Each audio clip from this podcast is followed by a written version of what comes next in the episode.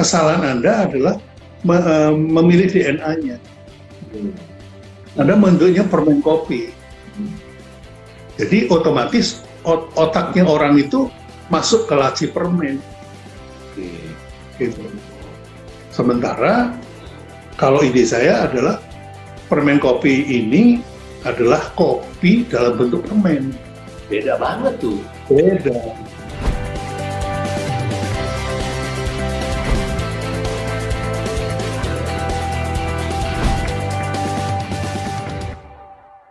Saya di hire untuk bikin agency. Nah, kan gitu. Ah, Saya bilang, I never work in the agency. Kan. Saya kerjanya kan di, tapi karena eh, apa namanya tahun kira-kira tahun berapa ya? Ya tahun 75 gitu, 76 pada waktu saya kerja jadi salesman itu, saya punya waktu untuk belajar. Dapat guru dari Harvard ya udah. Nah, bisa semua itu di di kupas. Diajarin marketing lah, marketing public relation lah, diajarin di- diajarin apa namanya eh, issue management, kemudian decision under uncertainty macam-macam. Nah di situ saya mulai mulai tahu, lah, oke. Itu pertama kali Nah. Bapak masuk uh, agency lah ya, dunia agency. Ya masuk dunia agency, langsung saya bikin agency. Oh, iya. Eh, saya bikin kreatif department, saya bikin client service, saya bikin apa media department, Iya, iya. yang semuanya saya kerjain sendiri. Wah.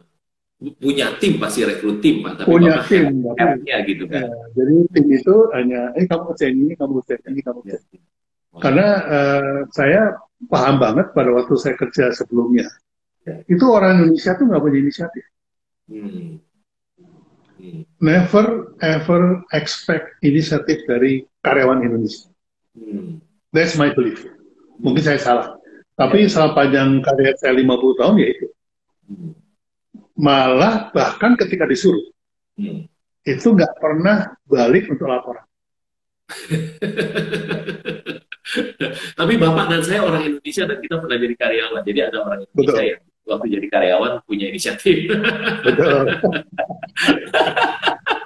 Iya Tapi kan? itu jarang banget.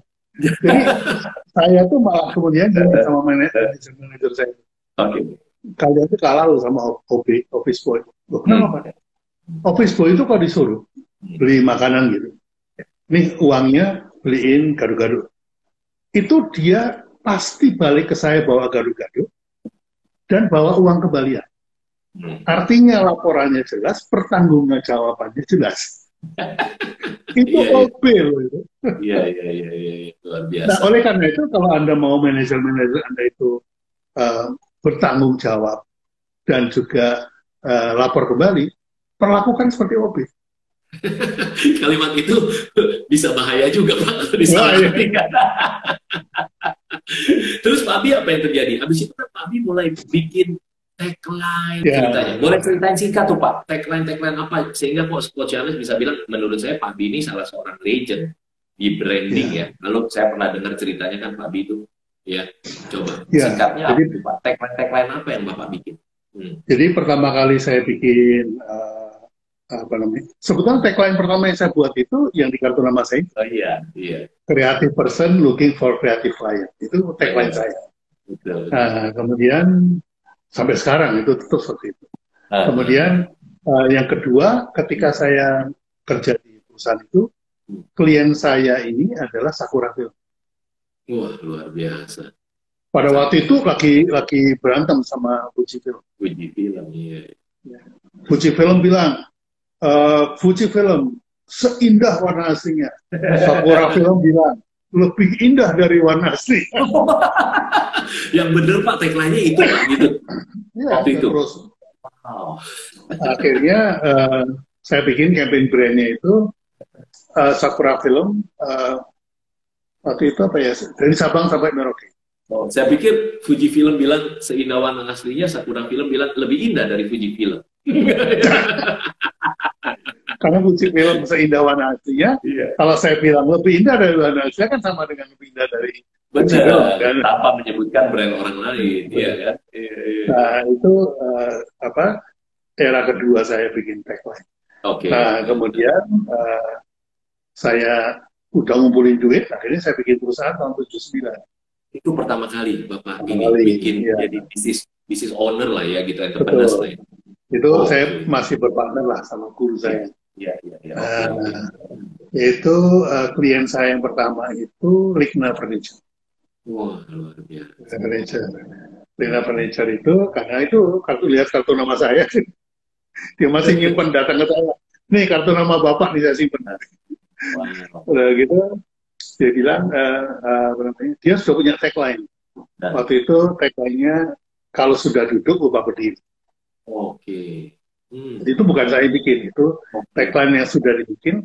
Ya. Dia tanya kepada saya, apakah ini dipertahankan atau diganti? Saya bilang, saya adalah orang kreatif yang tidak egois. Karena saya mesti ditanya dulu, berapa investasi Anda yang Anda sudah buang untuk tagline? Oke. U- Udah banyak Pak, oh, kalau itu sangat diganti. Kalau perlu kita remajakan atau kita rapikan, yang penting esensinya sama. Itu keren kemudian- orang kreatif yang tidak idealis gitu. Cukup praktikal pemikirannya. Idealis tapi nggak egois. Iya, iya, iya. Ada practicality-nya di situ Pak Biwa. Betul, Pak karena saya bas- Iya, basicnya bisnis kan. Jadi Iya. basicnya kan jualan komik. iya, iya, iya. Jadi saya nggak saya saya nggak mau investasi Anda ter- terbuang. Sama seperti waktu saya pegang Indomie, itu Indomie seleraku sudah ada. Ya, oke. Gitu. Lalu Bapak tanya, ini harus diganti atau enggak Pak? Jangan Bu. Karena ini adalah investasi yang sudah duduk manis di kepala konsumen. Betul, betul. Jangan dirombak mentang-mentang saya kreatif terus ganti.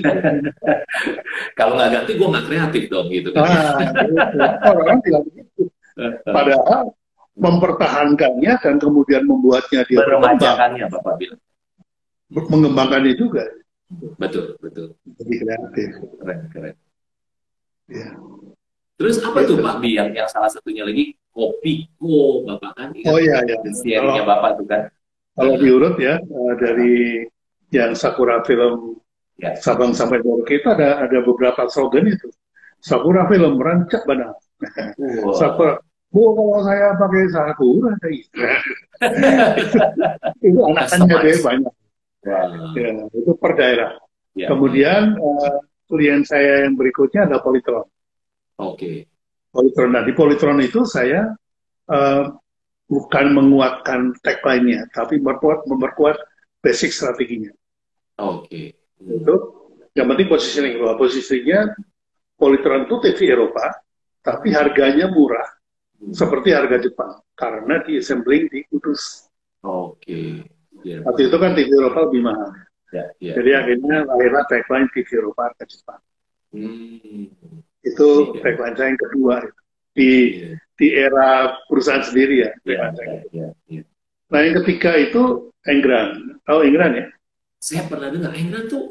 Multivitamin. Iya, iya, iya. Dengar Pak. Jadi kalau kalau orang-orang itu eh, kalau ditanya itu ya, Anda butuh multivitamin nggak? Butuh. Butuhnya kapan? Oh ya kapan-kapan. Lah kalau butuhnya kapan-kapan kita kapan jualannya kan? Terus? Lalu kemudian kita buat sesuatu yang pasti kita kaitkan sama eh, ritual harian. Orang itu kan setiap hari sarapan, makan Iya. siang, makan malam gitu. ya. Iya. Nah enggran ini sebetulnya bagusnya itu untuk eh, eh, metabolisme. Jadi dimakan sebelum makan. Makanya kemudian kita taruh sebagai sarapan. Oke. Sarapan, Tagline-nya ke- sarapan kedua, Oh. second breakfast. Wah, itu sharp banget dan simple dan mantap harusnya ya. Iya. Nah, Jadi pada zaman itu eh, kalau orang sarapan terus kemudian nggak makan enggran kayaknya wah saya belum sarapan kedua, belum lengkap. Hmm. belum lengkap.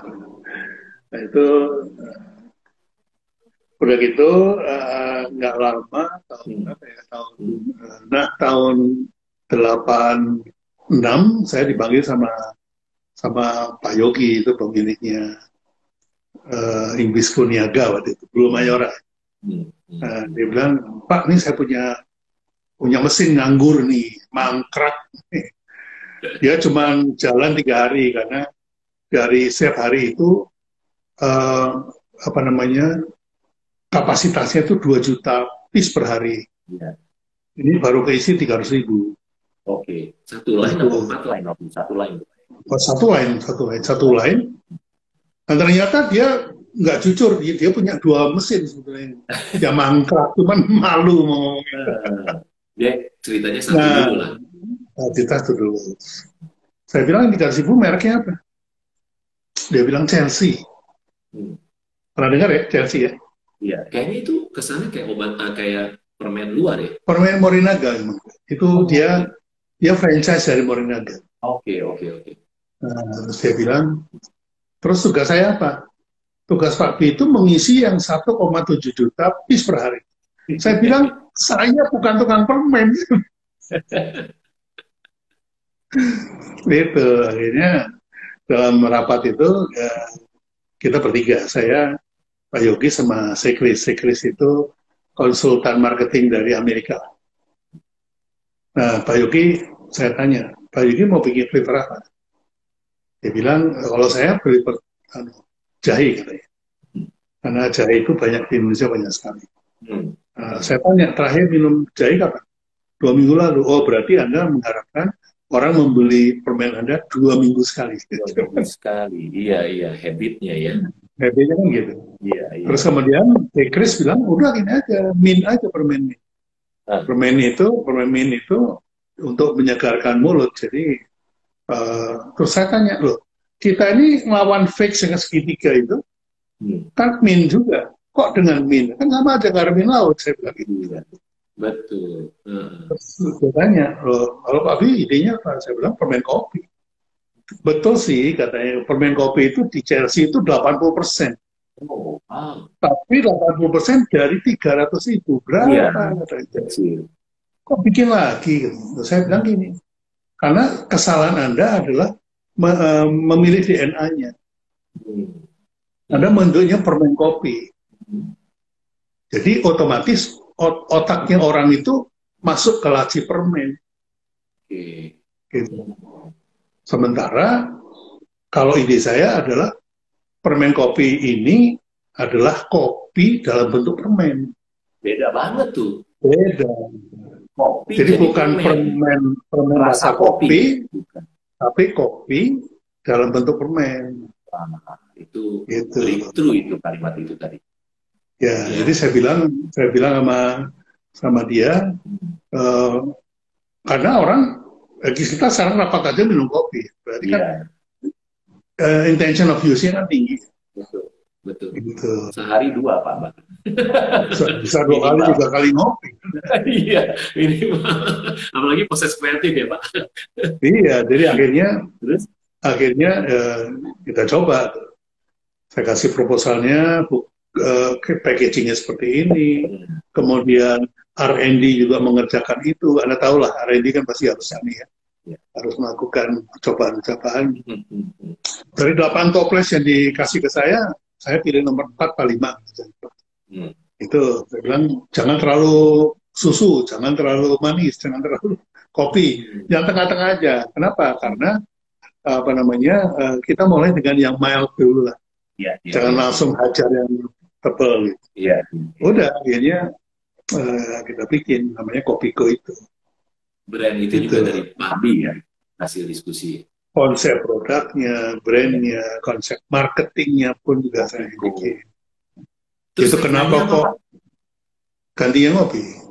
Wih, itu tagline juga kayak nampar orang gitu pak. ya, maksudnya dari idenya kopi yang dibikin permen terus tagline-nya nyambung banget tuh ganti iya. yang kopi udah kuat. Iya. Betul. Jadi jadi waktu itu saya bilang bahwa ganti yang kopi ini bukan tagline, ganti yang kopi ini sebuah value. Iya. Jadi kita berangkat dari value creation.